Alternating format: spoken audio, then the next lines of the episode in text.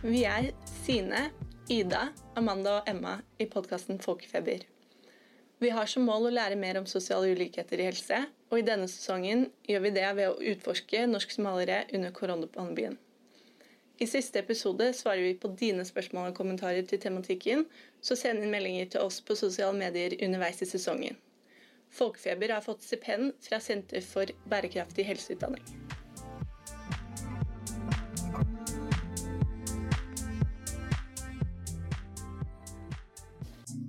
Velkommen til dagens episode av Folkefeber. I dag er det meg, Emma, og Ida som sitter her. Og I dag skal vi snakke om helsevesenets rolle for norsk-somaliere under koronapandemien. Vi er så heldige å ha med oss Ayan Bashir. Velkommen, Ayan. Takk. du er turnuslege eh, på Ahus mm. og norsk-somalier. Mm. Eh, og så har vi skjønt at du har kommet til Norge som seksåring. Mm. Kan du fortelle litt om, om, deg selv og når du bestemte deg for å bli lege? Ja, ja ikke sant. Det var eh, i AR, da, akutten, med Og hva het kjekkasen? Mm, som er gift med Amal Alamudin. Jeg husker George Clooney!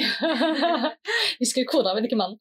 Eh, nei jeg pleide å se på Akutten da jeg var liten. Eh, jeg var vel en sånn ti år, kanskje, og syntes at det så veldig kult ut å løpe rundt der i akuttmottaket og liksom eh, redde liv, da. Um, så det var det ene, ene motivasjonen. Og så var det um, at jeg liker veldig godt å jobbe med mennesker og liksom komme tett på, da. Og jeg eh, tenkte at da var, da var legeyrket noe for meg.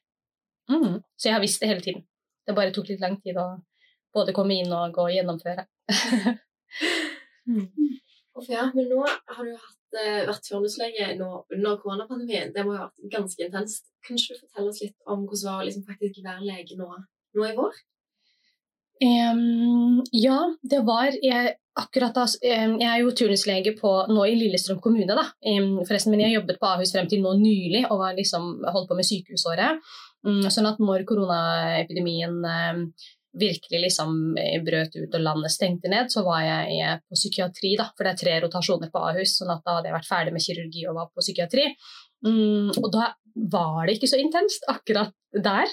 Det roet seg faktisk. Um, så, så, det var mest det Altså det intense var mer altså arbeidet med, med korona, altså typ privat. da, Det jeg holdt på med, med å liksom prøve å spre informasjon i det somaliske miljøet, som var ganske hardt rammet. Mm. Og hva var det du merka altså, i begynnelsen av eh, altså, kanskje mars, da, om vi, tar helt fra starten. Mm. Um, hva endret seg for deg i, i miljøet, i, i, din hverdag, um, som, som, gjorde at du, du, begynte å ta tak i, i um, både bl.a. å lage videoer uh, for norsk-somaliere, men også har vært ganske engasjert på mange måter? Dette med videoene er, det, det, det er noe som jeg og en venninne, hun er også somalier og eh, er bioingeniør, da, så hun har en helsefaglig bakgrunn. Vi har også jobbet som tolker begge to og vet at veldig mye av den skriftlige informasjonen ikke nyttiggjøres. Da. Folk leser ikke brosjyrene som de får. Det er mye bra, altså, men, eh, men, det bare når ikke helt frem. Så derfor lagde vi en, en YouTube-kanal med animasjonsvideoer og med en sit-down som med eh, hvor vi liksom visuelt presenterte ulike temaer. Alt fra aids og meslinger til kneartrose, liksom. Mm, og det gjorde vi allerede i fjor, da. Det er noe vi har liksom sittet inne med lenge og tenkt at det skal vi gjøre. Mm, og så snakket jeg da naturligvis i den kanalen om, om korona, da, men da hadde vi ikke fått det så tett på, da. Men uh, men jeg snakket om det og hva det var, og at det er et virus, og at det kan gi infeksjon i de og de um, organsystemene osv. Mm, men men uh, i mars, det vi kjente på, var jo sant, jungeltelegrafen. Man hører at, um, at, det bare virket som at det var mange i det somaliske miljøet som var ramma. Man har hørt om eh, onkel sånn og sånn som var innlagt på sykehus. Eh, den og den familien er uh, i karantene, og alle er uh, påvist koronapositive. Og det bare, det bare føltes som om det var eh, mange fra vårt miljø som var ramma, uten at vi satt på noen data. Så eh, ja, vi, eh, vi hadde jo allerede litt, liksom, lagt ut litt informasjon osv., men var, jeg var litt redd for å eh, ta for mye i? ikke sant? Var dette bare en følelse man satt med, eller var det reelt? Kunne det bekreftes? ikke sant? Var det noe statistikk på det? Så jeg bare ringte til FHI eh, og sa at hei, jeg heter Ayan, jobber som turnuslege på Ahus, liksom, men eh, ringer fordi at jeg er eh, bekymra. Jeg er norsk somalier, og vi opplever at eh, vi er, sant, ser med bekymring på, på, på hvordan dette rammer somaliere. Har dere noe tall på det? Er det sant? Liksom, er det reelt, det vi kjenner på? Og skal vi nå omtrent gønne på med informasjon, eller, eh, eller er det for tidlig? Mm. Mm. Hvordan var det FHI reagerte på det? Hva sa de? Eh, da eh, Jeg snakket jo da med Trude Arnesen ved FHI, som er tidligere bydelsoverlege i bydel Gamle Oslo, hvor jeg er fra. Jeg bor på Tøyen, da. Um, og hun uh, var bydelsoverlege under et sånt meslingutbrudd. Um, da, da, var somalierne hardt rammet, og hun liksom visste at det var viktig med linkarbeidere, da, eller at, for det brukte de da. Um, så det er det ene. Hun, liksom, hun kjente litt til det fra da, og så sa hun at de hadde ikke tallene da. De visste ikke på en måte hvordan det var altså etter fødeland, da, hvem som var hardest rammet, men de visste at mennesker med Um, altså ikke ikke etnisk norsk bakgrunn var mer rammet, var overrepresentert. Og eh, at også de delte den bekymringen. Så selv om hun ikke kunne gi noen data da, så var det bare å kjøre på. Mm. Men disse dataene kom jo, og ble publisert ganske kort og enkelt. Mm. Hvordan, hvordan, reagerte du, og, du på det, og hvordan ble det mottatt i miljøet? Um, jeg ville jo ha tallene for meg sjøl, omtrent. Nei, altså det, jo, det er viktig tall å ha. Man må jo forholde seg til virkeligheten slik den er, og, eh, og også for å eh, forsvare alle de tiltakene man da setter i gang, og alt det arbeidet som gjøres. Mm, men det var med blandede følelser. da, at uh, Jeg var blant de som helst ikke ikke ville at tallene skulle ut i offentligheten.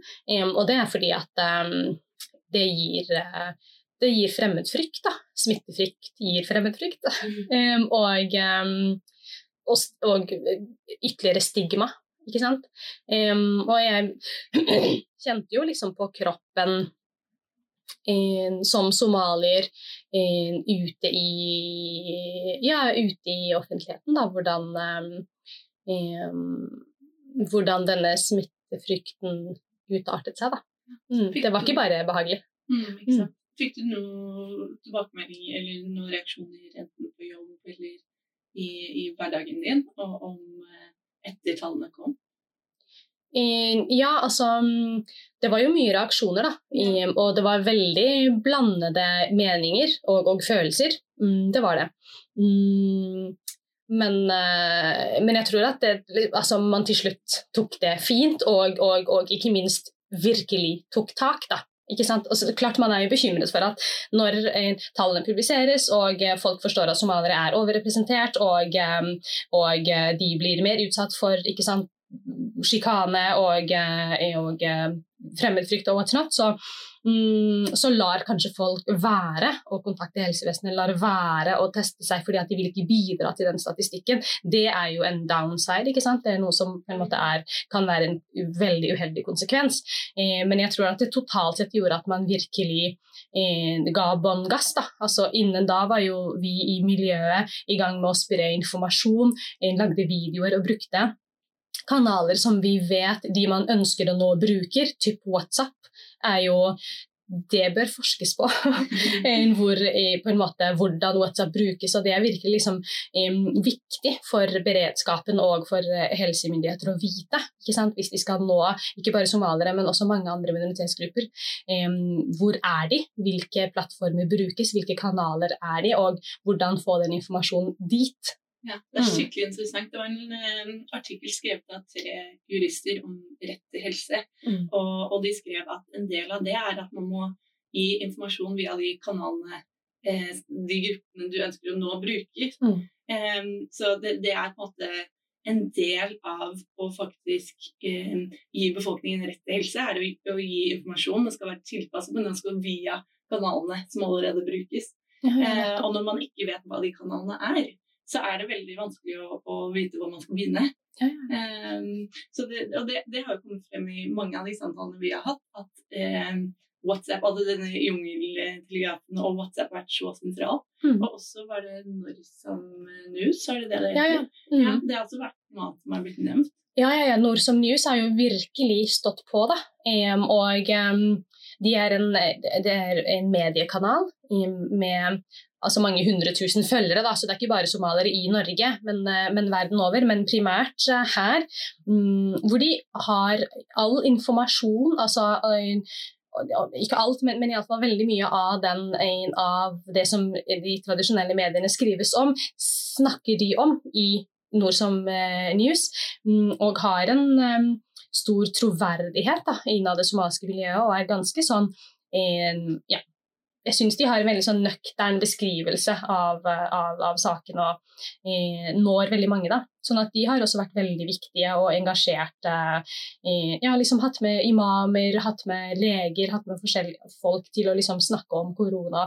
Basically bedrevet holdningsendrende eh, kampanjer, da, reelt. Det er liksom det som miljøet holdt på med. Så var det en, en en, en, mann som sjøl var eh, smittet og eh, ilagt karantene og ble ganske dårlig, ikke lagt på sykehuset, men var, var, ganske dårlig hjemme, og alle i familien var, eh, var smitta. Og han gikk jo ut dette var Jeg tror han var liksom fra tidligere en ganske kjent person, da har ganske mange følgere på Facebook, eh, og gikk ut og sa at 'jeg er smittet', og eh, 'jeg har de og de symptomene, tull ikke med, med liksom korona', dere hold dere hjemme, hold avstand.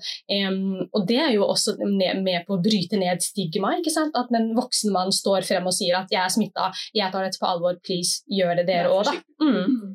Ja, så sånn sett så har dere hatt veldig mye egen innsats. Mm, Eh, mm. veldig mye sånn bidrag fra miljøet. Og du har jo blant annet vært med å starte opp en somali-koronatelefon. Eh, kan du fortelle oss litt om den? Ja, eh, den er det jo um, Ja, vi hadde um, ja, skal vi se. Jeg, jeg, jeg bor jo på Tøyen ikke sant? og bidro litt Samtidig som jeg jo var eh, på, på Ahus, så kom jeg i kontakt med bydelsoverlegen i bydel Gamle Oslo, og bidro der som, eh, som lege, og også altså en somalisktalende lege, til å følge opp smittede og deres nærkontakter.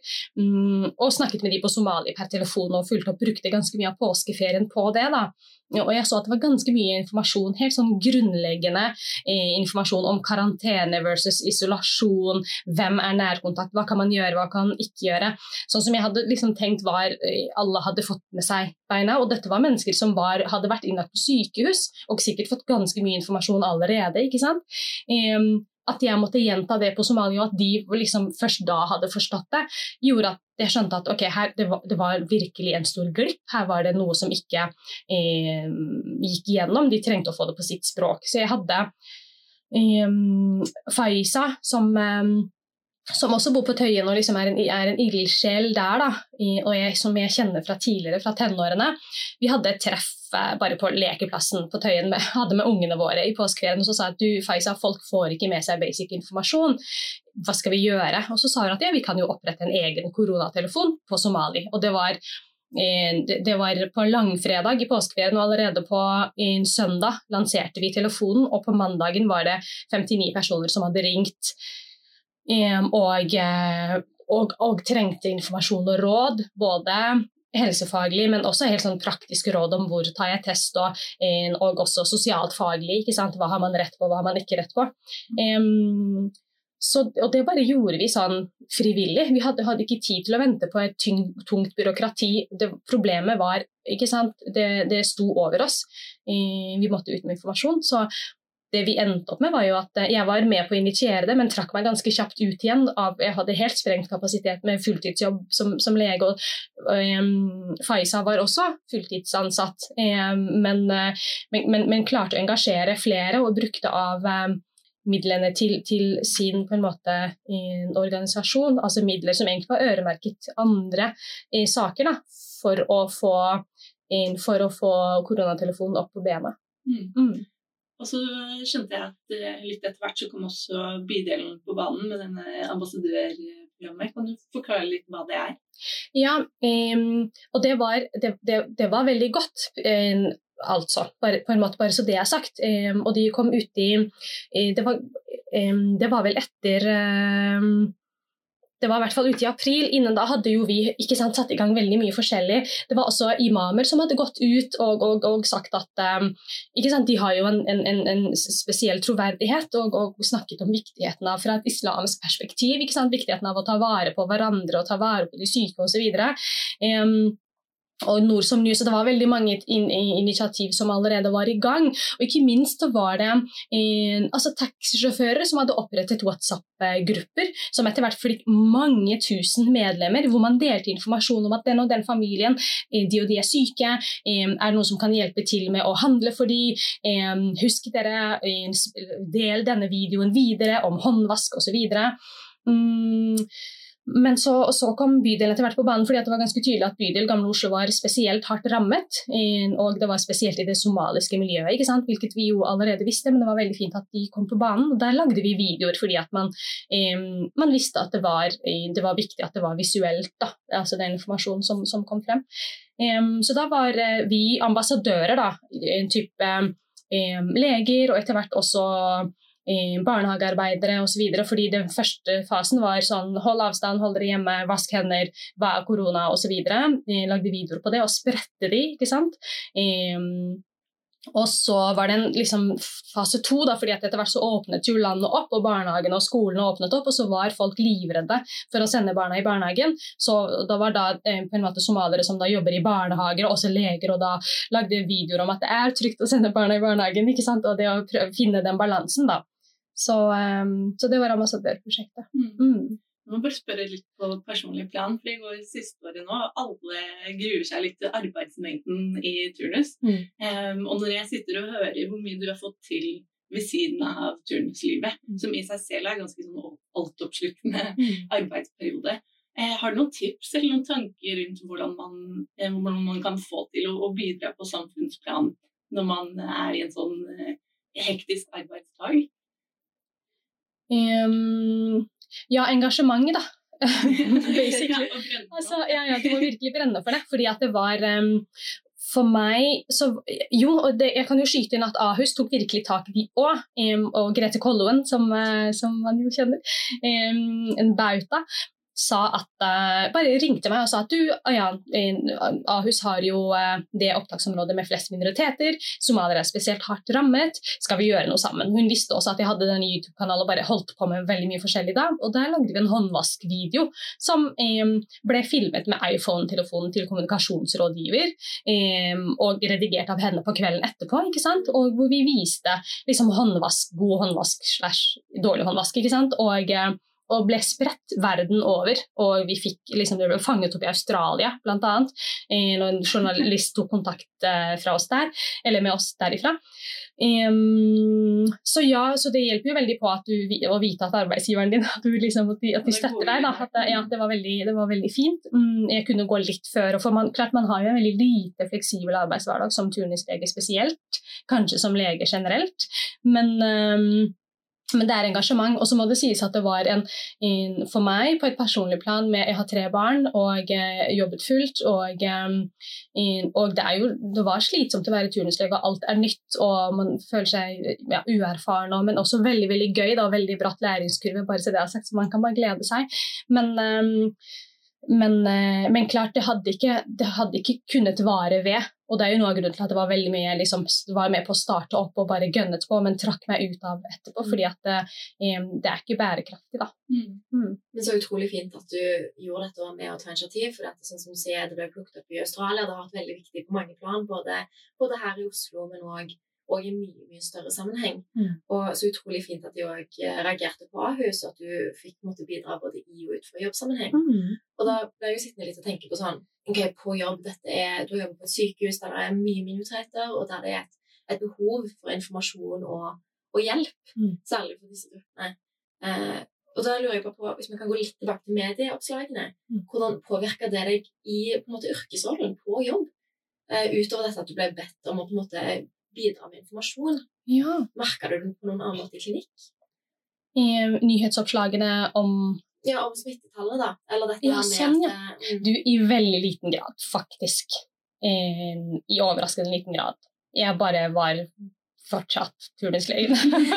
jeg var meg sjøl, og så var det kanskje noen som sa at ja, du, hvis, hvis det var naturlig å ha tatt det opp, at eh, ja, ja somaliere, det, det var den høy Ja, hvordan går det? At de kanskje har fått det med seg, eller at de har sett meg i en eller annen video, eller Men det var veldig lite, altså. Man, man går på jobb og gjør jobben, og alle eh, tror det liksom eh, har vært for travelt. Kanskje. Ja. Mm. Jeg har i hvert fall kjent veldig lite på det. Da. Og det har egentlig vært fint å bare da, gå på jobb og være, være på jobb, og ikke måtte forholde seg til så mye annet der og da. da. Mm. Har det på en måte da blitt et skille mellom, mellom deg som turnuslege og deg som privatperson med dette engasjementet? Føler du at det har vært Ja, det føler jeg. Mm. Ja, ja. Um, og det er først nå når du sier at jeg liksom tenker over det, men det er ikke noe jeg har tenkt over eller, eller bestemt meg for. Det har ikke vært et bevisst valg, da. Men, eh, men på jobb så har jeg vært um, turnuslegen Ayan, liksom, og, og virkelig em, man lærer jo veldig mye. ikke sant? Gått inn for å liksom, se på de EKG-ene og følge opp de pasientene og gjøre jobben jeg skal og lære mest mulig å overleve. og Gjøre det liksom mest mulig forsvarlig, men også lærerikt. Eh, jeg har følt meg veldig godt ivaretatt da, av de liksom, mer erfarne kollegaer, men også andre turnusleger. Det og vært et godt arbeidsmiljø. Men, eh, men da har jeg bare vært vært Ayan liksom, på, på jobb. Um, og så har det vært, uh, og det andre jeg har gjort, har vært privat. Da. Og jeg har jo måttet kom, overkomme en del sånn For det klart det var en veldig for meg da, en høy terskel å gå ut og, og informere. Altså det, det satt langt inne. Um, selv om det ikke virker sånn, for jeg var jo veldig tidlig ute. Men å være en, en såpass uerfaren lege da, um, mm, som går ut og, gir helseinformasjon. Altså litt sånn ja, Hvem er jeg til å Jeg er ingen ekspert, ikke sant? Ikke noen spesialist, og ikke har jeg spesielt mye erfaring, og ikke har jeg forsket på noe spesielt, og så går jeg ut og liksom bla, bla, bla, korona, da, da, da. Men ehm, men, men så har jeg liksom tenkt at shit, vi har jo seks år med utdannelse. da, Vi har studert medisin i seks år, vi kan kroppen. Eh, mye av den informasjonen som går ut, er helt sånn allmennkunnskap. ikke sant? Det, det, det ja, sånn at eh, det har jeg måttet på en måte overcome, da, og bare, bare gjøre dette, og ikke være så opptatt av, eh, av meg sjøl og hvordan jeg fremstår osv., men bare få informasjonen ut. da. Og du har jo helt spesielt innblikk i det norsk-somaliske miljøet, som er like viktig når man skal formidle informasjon som på det helsefaglige, vil jeg tenke. At Mm. eh, man må sette de to bitene sammen. Ja, ja, det er jo en del nyanser, ikke sant, kommunikasjonen. At vi Ja, ja.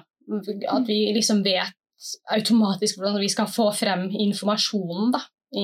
Og så må man tenke pragmatisk. Det er jo mye sånn jeg vet at det er, eh, at det er mange em, som er kritiske til at, er, til at folk ikke snakker norsk. Ikke sant? Du bor i Norge, lær deg norsk. Og det, ja ja, vel og bra, det er jeg helt enig. Bor man her, så må man lære seg språket. Men så vet man jo ikke hvor lang botid folk har. Det er det ene. ikke sant? Har de bodd her i ett år eller, eller eh, 30? Um, og, em, og det andre er ja, Selv hvis det er en bestemor som har bodd her siden 70-tallet og strengt talt burde lære seg norsk, så kan hun ikke språket. Hva skal man gjøre da? ikke sant? Eh, Vi kan godt diskutere politikk og integrering og osv. der det hører hjemme, eh, men nå må vi bare være pragmatiske og få ut informasjonen. ikke sant? Jeg tenker at det også går på eh, hvilken del av språket man bruker i hverdagen. Da. Fordi man lærer Ikke minst. eh, man, altså, Det er veldig mye rundt helseinformasjon som er norske ord som man ikke er borti i hverdagen. Og også for nordmenn. Eh, at man ønsker en forklaring på ting. Eh, jeg merker jo selv at jeg, kom, jeg lærte meg norsk for nå, nå er det syv år siden. Da. Men, men eh, jeg kan eh, veldig mye om helse, da, så jeg er kanskje det motsatte. Mm. Men om jeg skal begynne å snakke om et annet eh, fagfelt, så sliter jeg veldig. Og da, da merker man at selv om man på en måte kan, kan en del norsk, så er det fortsatt vanskelig i nye situasjoner, og ja, ja, ja. man trenger en forklaring. Ikke minst, ikke minst. Og med den der første koronavideoen jeg lagde, så sa, så sa jeg jo ordet infeksjon, ikke sant? Og, og, og, forklarte at det er ulike agens som kan gi infeksjon i kroppen. Som sopp, bla, bla, bla, og bakterier og virus. Dette er et virus, og, ikke sant? Og, det, um, og ikke ta som en selvfølge at, på en måte at, at folk kan, kan dette. Da. Mm. Mm. Og så nevnte du at du har jobba som tolk. Mm. Føler du, altså På jobb blir du ofte trukket inn for å, for å, for å oversette eh, på sykehuset? Ja, men jeg blir ikke trukket inn, jeg trekker meg sjøl inn. Ja. Og, det, og, det, setter jeg egentlig veldig stor pris på, at, at, at kollegiet um, de er, man er veldig vare på det, da, at uh, du, du, er her som lege og ikke som tolk. ikke sant? Mm. Mm, men, men, men, det er jo situasjoner hvor jeg ser at jeg kan bidra. Jeg snakker også bitte litt arabisk, eh, egentlig latterlig lite arabisk, men, men, nok til å kanskje få frem helt sånn basic informasjon. Eh, så jeg har gått inn i situasjoner, spesielt når det er akutt, ikke sant? eller det er team, man kommer inn en alvorlig skadet person eller som bare snakker ja, arabisk eller somali, da, da sier jo jeg så klart at da jeg, jeg, kan litt av det språket, eller godt somalisk kan jeg flytende, da. Men, uh, men, jeg blir ikke Jeg har nok ikke blitt trukket inn, men, men, men hatt ønske om å bidra der jeg kan, da. Mm. Mm. Ja, så du sier altså, du har jo åpenbart sett viktigheten av det å forstå og formidle kunnskap. Uh, og du sa jo du hadde litt kvaler om det i begynnelsen, og så bare Hva sitter du igjen med nå? Etter at du faktisk har gått og spredt den informasjonen til tross for at du er bare turnuslege, holdt jeg på å si. Mm. Nei, det, det, jeg sitter igjen med, er vel um, jeg er jo glad for at jeg gjorde det. Og så er det på en måte en del ting man må jobbe med på det personlige plan. Det, det gjelder jo alle mennesker, tror jeg, som, som, velger å gå ut med noe. Uansett hva det måtte være. ikke sant? At man plutselig Ikke at jeg er noe kjendis, men, men man liksom at, at, man er, har ansiktet sitt på en avisartikkel. og liksom Det var veldig sånn uvant. Jeg har ikke, jeg ikke bilde av meg på Facebook engang. Eh, men, ehm, men det jeg sitter igjen med, er at, eh, at jeg har blitt tatt på alvor både i på en måte ja, blant helsemyndigheter de har vært borti, og, i, og, og bydelen, ikke sant. Og, men også innad det somaliske miljøet. Men det er et miljø jeg er veldig føler meg veldig trygg på. Jeg har vokst opp i det miljøet, har vært, kjenner veldig mange. Og, så der har jeg ikke vært ja, der har jeg ikke vært så redd for å være en sånn eh, koronalege, holdt jeg på å si, men eh, ja. Mm. Ja, og jeg lurer på, fordi I første episode så har vi snakket med en, en pasient, en norsk somalier som eh, ble smittet av korona. Eh, og han opplevde slik vi forsto det, eh, at det norske helsevesenet diskriminerer eh, mot norske somaliere. Og, og, innenfor det at at eh, denne gruppen under, underdiagnostiseres, at de ikke henvises nok, og at de rett og slett ikke alltid blir helt trodd av, av leger da, mm. når de kommer med helseutfordringer. Um, og så ønsker jeg å utforske litt fra, fra legesiden. Da. Um, har du noen tanker rundt det?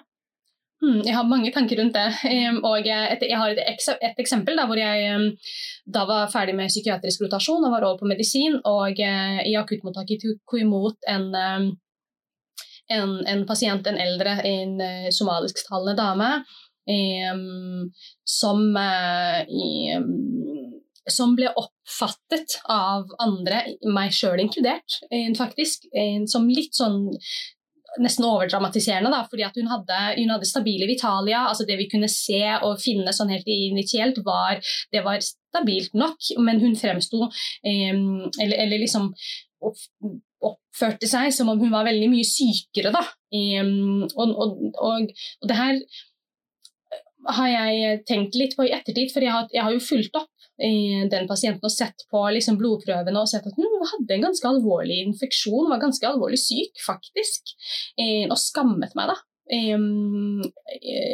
ettertid for at jeg ikke at jeg er litt sånn åh, nå kommer det en sånn Og nå er jeg bare ærlig på dette, men at man, man lett tenker at åh, nå kommer, kommer, den typen igjen. ikke sant, Den, den, den eldre minoritetsspråklige damen som har vondt overalt. De har vondt fra topp til tå.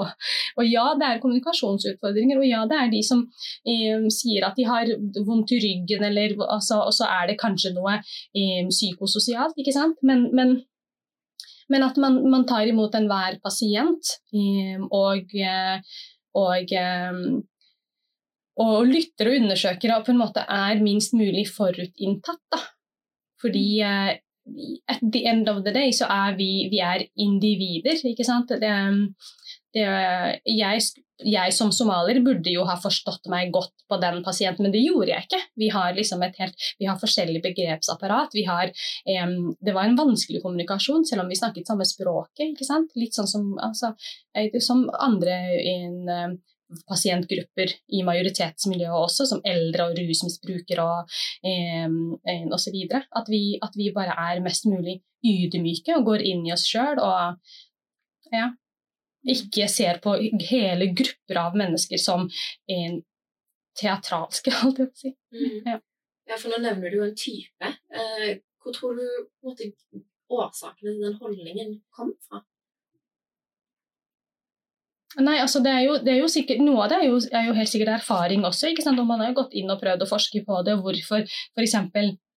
noen minoritetsgrupper i mye i, i høyere Altså mye oftere går til legevakten på nattestid, f.eks.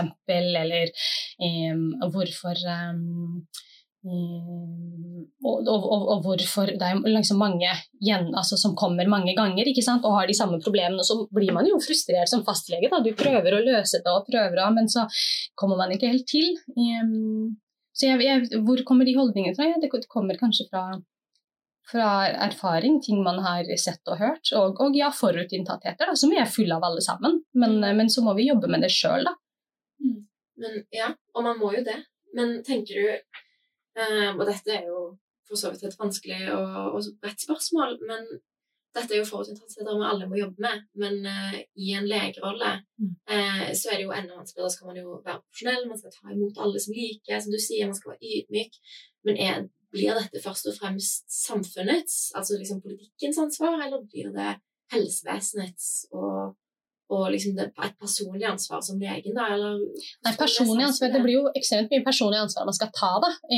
Så, så det blir jo um, jeg vet ikke, jeg blir politikken, da. Altså, er det, hvem, er det som, er det som bestemmer hva man skal lære seg i, i medisinstudiet? Altså, jeg tenker at det er viktig at man eh, får det, man får det inn gjennom studiene. Da, når Vi har denne vi har jo fullt av kommunikasjons kurs og får tilbakemeldinger på det. og Er det ikke noe sånt, da? Altså At man mm. liksom skal intervjue pasienter og være empatisk og lytte og åpne og lukkede spørsmål osv. At man inn, inn, der får inn um, i, altså andre kulturer og andre pasientgrupper.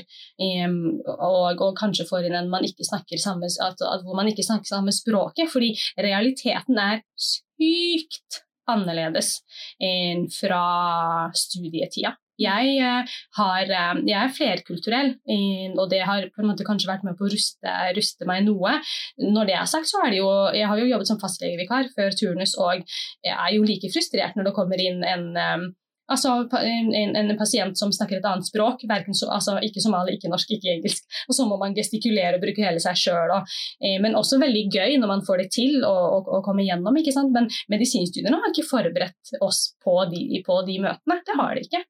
Og dette er noe vi har diskutert en lesegruppe og diskutert litt dette med intervjuteknikk som vi bruker. Eh, eh, fordi man, man stiller mange spørsmål som har med atferden til individet å gjøre. Men man eh, er kanskje ikke alltid like flink til å spørre om rammene rundt. Altså det, eh, det strukturelle som bestemmer hverdagen til denne personen. Mm. Eh, og det kan være politiske faktorer eller økonomiske faktorer. Hvordan er det hjemme hos deg? Eh, og når jeg gir råd, eh, hvordan spiller det seg ut i, i, din hverdag, i ditt liv?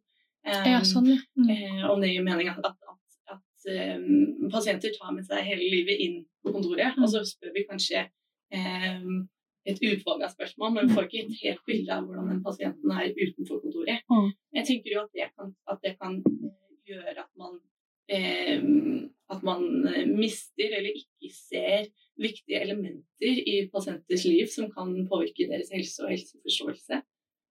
Ja, ja, ja, så klart. Um, um, så klart, men så må man jo ha Ja, så klart. Jeg, men jeg bare prøver å tenke, da. Altså rent sånn eh, praktisk. Hvordan skal, man, hvordan skal, man, få det til, da? For det er um, ja, ja, Jeg har jo hatt på en måte pasienter som um, som jeg vet at har mye psykologisk stress. Mye sosioøkonomiske problemer. ikke? Har eh, kanskje ikke oppholdstillatelse. Eh, veldig vanskelige økonomiske forhold. Eh, mye stress i, familielivet. Kanskje familie som bor i utlandet, eller, eller hva det nå skulle være. Det, det er så vanskelig um, å gjøre noe med det, da annet enn å fordi også er det, Og kanskje ikke bare vanskelig, men, men umulig i mange tilfeller. ikke sant? Eh, og så blir det å, å likevel eh, romme den pasienten, da. Og romme alle de problemene, og, og, og prøve å liksom eh, nå frem med at eh, jeg, altså man bare kan forestille seg hva de går igjennom. Og det er da ikke unaturlig at du har vondt i magen eller får vondt i hodet, eller hva det nå skulle være. Men eh, det hadde jo men, men, da må man jo vite det, da, som du sier. Altså, altså, man, eh, da må man jo spørre litt rundt. ikke sant? At hva, hva, nå, har vi, nå, har, nå, har du kommet inn med brystsmerter for femte gang. ikke sant? Et fint EKG, og jeg er ikke bekymra for hjertet ditt. Hva, hva, skjer i livet ditt? Hva er det som egentlig foregår? Mm. At vi må, vi må våge å bevege oss ut av eh, det rent helsefaglige. da. Og det kan jo være vanskelig å vite hvor man skal starte, eller hva man skal stille av spørsmål. Mm. Um, men uh, ja, kanskje, kanskje, om vi hadde flere verktøy, da. Om vi hadde På mange måter så har vi spørreskjema for alt mulig innenfor medisin. Og jeg mm. føler at dette er kanskje vi ikke har noe konkret sånn spørreskjema for å, for å hjelpe oss med. Nei. Men kanskje det Jeg bare tenker sånn i en sånn yrkesvalg òg Uh, I alle fall de jeg har snakket med på min arbeidsplass, og sånn, syns jo at dette her er personlige grenser man tråkker på. Mm. Det er jo noe der òg med hvor, hvor, mye kan man spørre om i hvilket møte man har et kvarter, 20 minutter, og hvor mm. dypt kan man gå, og hvor dypt er det liksom sunt, sunt holdt jeg på å si, å gå, mm. når man ikke gjerne har tid og mulighet til å følge opp eller sitte så lenge man trenger. Mm. Men man kan jo altså Ja. ja nei, men jeg tror akkurat det altså det er litt um hva er det som er for privat? Jeg, jeg er av den oppfatning at ingenting er for privat innenfor, altså, innenfor uh, i, um, legekontorets fire vegger. Bare spør, og, og vær liksom at man er genuint interessert. Eh, hvordan Selvfølgelig ikke på en måte eh, vi vet jo hva man ikke kan spørre om, eller så kommer det an på hvilken tone man har. ikke sant? Men, men, men jeg tenker at det er ikke å tråkke over noen grenser og spørre hvordan, hvordan går det med deg, hva, hva, er det som skjer i livet ditt? Og, og, det trenger ikke å ta så lang tid, da. Nødvendigvis. Eventuelt så kan man si at jeg ser at det er mer som skjer, og kanskje at man kan bestille, altså få til en ny time, men så fort ting blir sånn, så fort Spesielt kultur. da, Det blir en sånn 'Å, det kan vi ikke ta på og snakke om', og det blir liksom en svær rosa elefant, og den er så ekstremt tilstedeværende. Bare plukk litt på den rosa elefanten. Mm. Kanskje det egentlig over lengre tid tar kortere tid, fordi man kommer inn på den reelle årsaken, istedenfor å si um, Uh, ofte kanskje i forhold til muskler skjelett, at man har vondt i ryggen. Da. Og mm. så har man en femte konsultasjon hvor man prøver å løse dette. Men, men om man kan litt raskere eh, spørre eh, hvordan Altså hva er det i livet ditt uh, som du tenker kan, kan forårsake dette, eller spille med inn, i hvert fall. Mm. Og, og, ta tak i det. Kanskje man kan sende videre eller henvise eller på en måte støttetjenester. Det finnes mye i Norge ja, ja, absolutt. Og, og, vet du hva, man, det er veldig, veldig, veldig, lite man egentlig trenger å henvise som fastlege. Ganske mye man kan ordne på fastlegekontoret. Og, og det er ikke sikkert pasienten er klar over hva ved livet eh, til vedkommende som, som, bidrar til dette, men bare det å spørre om det liksom, familiesosialt, det er jo noe av det vi tar opp under anamnese. ikke sant? Mm. Hvor bor du, hvem bor du sammen med, hva jobber du med? ikke sant? Bare der får du veldig mye informasjon. Kanskje det er en person som bor alene og har fem katter og er uføretrygdet og, eh, og under stimulans jeg kan fortelle at de drikker litt for mye alkohol. At man liksom får ganske mye informasjon eh, bare basert på det. Også absolutt sparer mye tid, og ikke minst får en sånn eh, en, en, en, et bånd, ikke sant? Bygge tillit. Mm. Mm. Det er skikkelig spennende. og Disse er problemstillinger som, som finnes i helsevesenet um, egentlig alltid, men under pandemien så har jeg sett hvordan disse måte, sårbarhetene har spilt seg ut som dårligere helse, eh, altså outcomes eller utfall for eh, minoritetsgrupper. Mm. Um, Og da, da er spørsmålet på at det, både hva man kan gjøre under pandemien, men også hva man kunne ha gjort før Ja, for å bedre ruste eh, norsk somaliske miljøet. Ja, ja. Og um, det, det, har jo, det, det har jo mediene verden over uh, fokusert ganske mye på. Um, på såkalte BAME community, som er uh, i, i, altså fargede da, mennesker fra, i, fra, de minoritetene. Fordi de har også vært mer utsatt i, uh, i UK, i USA, i um, Australia osv. Mm, så, og, og det sier noe om hvilken, hvilken, hvilken sosioøkonomisk status har, har, har, disse personene. Eh, det er kanskje mer på en måte flere i, mer komorbiditet osv. Men jeg tenker fra et sånt forebyggende perspektiv, da.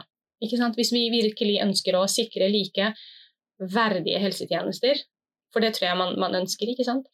så må man jo sørge for at informasjonen eh, er tilpasset og faktisk kommer frem.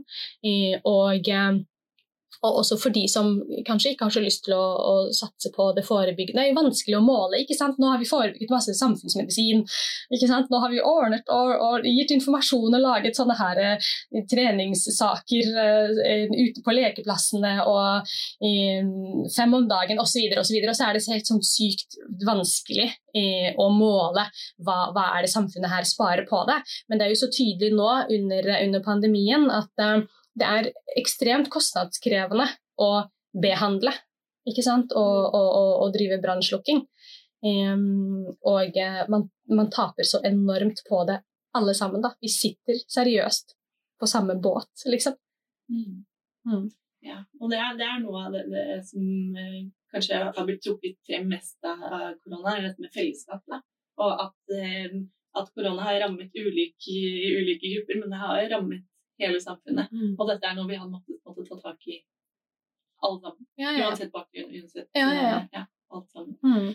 Men uh, når du ser tilbake eh, på alt som har skjedd, eh, hva, hva, har du lært? Hva skal vi gjøre bedre neste gang? Snakke sammen. Snakke sammen. Ja, ja. På tvers av Og, og det, det, er mye Det handler Eller det som jeg har ofte hørt gjentas, det er tilliten som minoritetsmiljøene har til myndighetene. Um, men så syns jeg man også skal snakke om myndighetenes tillit til minoritetsmiljøene. Og den kompetansen som der finnes. Eh, og viktigheten av å snakke eh, med og å snakke sammen. Mm. Mm. Og helt uh, til slutt, er det noe spesielt du ønsker at lytterne skal sitte igjen med etter uh, denne samtalen? Um, ja, at vi er mennesker alle sammen.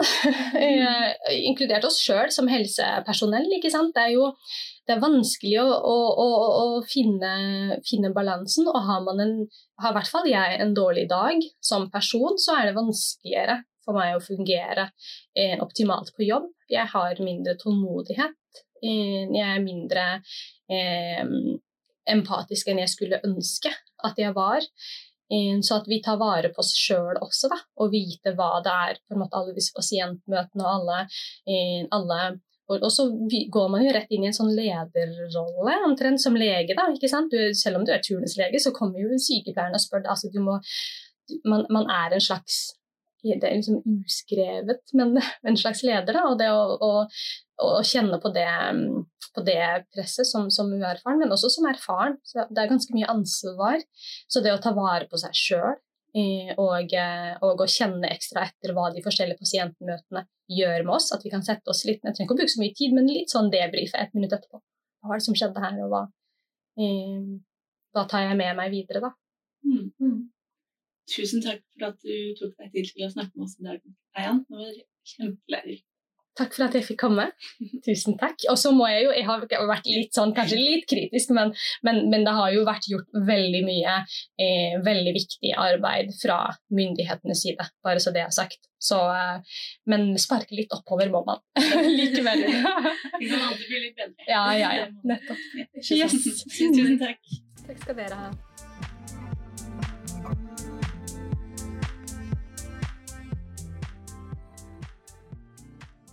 Ja, Ida? Hva tenker du? Nei, altså, nå når vi har snakka med Ayan, det var jo en veldig, veldig spennende samtale og veldig annerledes fra, fra de forrige to episodene. Uh, jeg syns iallfall det var veldig spennende med et, eh, et nytt så på, jeg holdt på å si, profesjonelt perspektiv. Uh, jeg opplevde iallfall når vi snakket med at vi snakket mye med legen Ayan òg, at hun har en, har en, tydelig rolle. Jeg vet ikke om du tenkte på det? Ja, jeg tror man merker at hun veier hvert ord, at man tenker gjennom hva man skal si. og jeg tror nok det har litt med, med, forventninger til leger, og hvordan leger skal uttale seg, og hva slags meninger man kan nesten få lov å ha da, mm. med, med yrkesbakgrunn som, som, vi også kommer til å ha i fremtiden. Ja, og Sånn er det jo sikkert med mange. altså Både, både leger og brannmenn holdt jeg på å si, og lærere, alle disse offentlige, offentlige yrkene. Så på en måte så det var veldig spennende å høre altså, hvordan denne rollen spilte inn på hennes offentlige holdning, hvis man kan kalle det det.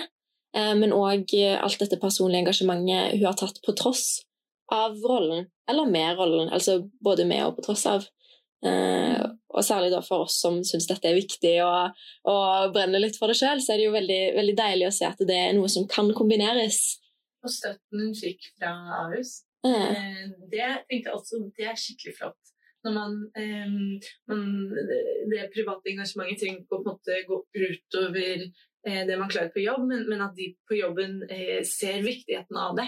Og så mm. får man kombinert det. Det, det synes jeg er veldig flott. Ja, ja fordi da tenker jeg litt på det der med ansvar. Vi snakket dyppa så vidt innom det, men eh, jeg som syns ansvaret er veldig spennende å snakke om det, syns kanskje at det var vi ikke fikk snakka så mye om det.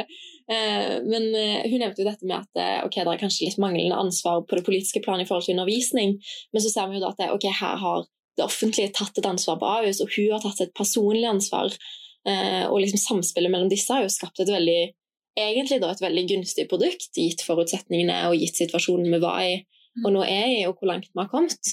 Eh, så jeg syns den der fordelingen holdt jeg på å si, av ansvar som vi nok kan si, i alle fall jeg da, si meg enig i at burde, burde trekkes mer inn i undervisningen òg. Mm. I alle fall hos oss, og, og, kanskje i mye av disse samfunnsansvaryrkene holdt jeg på å si. Men, eh, men denne fordelingen av ansvar og, og, hvordan man kan bidra på forskjellige planer og skape et viktig samarbeid, da, det syns jeg var spennende å høre om. Mm. Så har man fått inndelingen eh, samfunnsmessig, men også dikotomien i hennes liv. Mm. Eh, hvordan hun beskriver to ulike roller, og, og at hun skifter på en måte hatt. da. Hun drar fra jobb, og så tar på seg en annen rolle. Og hvordan hun selv opplevde det som litt sånn litt fint og trygt at hun var eh, turnuslege i Eian på jobb og fikk lov å være det. Mm. Og fikk lov å på en måte utdanne seg på lik måte som alle andre. Det syns jeg er eh, noe jeg kommer til å reflektere over. Mm. Absolutt. For man kunne jo tenke seg Vi snakket jo litt om det før, før, eh, før denne samtalen, at det, det kan jo spille inn å være en del av en minoritet når man skal jobbe med iallfall i denne situasjonen, da, jobbe med en minoritet. Mm. Og, og på, på, denne måten, eller hos henne, da, så kan det jo bli sett på som en fordel, men det, det må jo også kunne, eller ha vært en utfordring, da. Så det er jo veldig fint at det går an å ta og skifte litt roller på den måten, som du sier. Mm. Så var det jo det at hun eh, Hun snakket litt om at hun følte seg litt uerfaren da når hun skulle ut og, og eh, for, formidle informasjon om korona. Eh, og det kan jeg kjenne meg igjen i, at jeg blir stilt spørsmål, selvfølgelig at å, jeg er altfor ung eller uerfaren til dette. Men eh, at hun har en bakgrunn som gjør at hun har kunnskap og forståelse som ikke andre har. Som, det kan jo være overlege i infeksjonsmedisin, men ikke kjenne til det norsk-somaliske miljøet. Mm. Men altså, hun har på en måte nøkkelkortet, hun har jo begge. Mm. Mm. Det, det, vil jo gjøre at hun kan tilpasse informasjon på en, på en bedre måte. På samme måte som når du snakker om ambassadørprogrammet, og man skal ha på en måte de lokale skal eie eh, informasjon som gis ut, som skal tilpasse det, skal på en måte være med å skape det. At man begynner å, å se det som en egen sånn, ikke utdanning, men kunnskap eller verktøy man har som ikke andre har. Mm. Ja, og så er det litt deilig å høre altså for, for de av oss som ikke har dette tosidig nøkkelkort, holdt jeg på å si, med, med egen personlig forståelse for både, både samfunnsgruppe og for, for, medisin. Så det er fint å høre at okay, på tross av at man kanskje ikke er så erfaren og, og har komplett forståelse og innsikt, så er det lov å gjøre feil. Og så er det viktig å bidra uansett. Og man, er, man kan bidra på en, på en, god og nyttig måte på tross av kanskje manglende erfaring og, og kanskje ikke liksom maksimalt med kunnskap, men hvis man setter seg inn i det da og, og bruker det man har, så, så, er det mye man kan gjøre. Og det syns jeg var litt deilig, og, deilig å høre, på en måte. Ja, og det av henne når hun er med en pasient som snakker et annet språk, det er en annen minoritetsgruppe, og gestikuleringen og Jeg kjenner meg så igjen. Man bare gjerne vil få formidle på mm. hvilken som helst måte. Man er villig til å bruke alle verktøyene man har, til inkludert gruppen, for å få, få, gitt informasjon. Eh, og det var veldig fint å se henne i den rollen. Mm. At alle eh, har de samme utfordringene og, og, og, og samme problemene. Mm. Selv om du kan nesten tre eller fire språk som hun kan. Ja. Mm. mm. ja, det er alltid vanskelig. Og da sitter vi jo igjen med det, dette her med formidlingen. Bare dette å forstå men òg å bli sett og hørt for pasienten sin side. Det ble jeg sittende og tenke litt på nå. At eh, ok, ikke bare sliter vi med å på en måte formidle informasjon, men de har jo kanskje vanskelig for å, for å gi oss den nødvendige informasjonen sjøl. Mm. Og eh, med, i dette her med typer og forutinntatthet og sånn, at man bare viktigheten av det å bli hørt og det å bli sett. Og ok, kanskje, kanskje man tenker at sånn, du er frisk nok til at du ikke, ikke, trenger å komme på legevakten akkurat nå, men det å se pasienten og bare eh, høre på hva de har å si, og, og formidle at du, jeg, jeg, jeg, skjønner at du er her, jeg syns det er viktig at du tar kontakt, eh, men dette fra mitt perspektiv er helt trygt, kom tilbake hvis det blir verre. Altså Bare det med å se en pasient og, og ha en god kommunikasjon, sånn at begge føler seg trygge og ivaretatt. Eh, viktigheten av det syns jeg kom veldig, veldig godt fram. To, toveisformidling. Ja. vi lærer jo veldig mye om hvordan vi skal bli bedre på formidlingen, men, mm. men vi lærer litt om eh, barrierer for pasienten i å uttrykke seg selv. Mm. Eh, og det var kanskje noe Eihan var litt inne på. som jeg synes var... Eh, ja. Ja, vi må lære oss å lytte, ikke bare å snakke. Ja, det vi gjør på podkasten.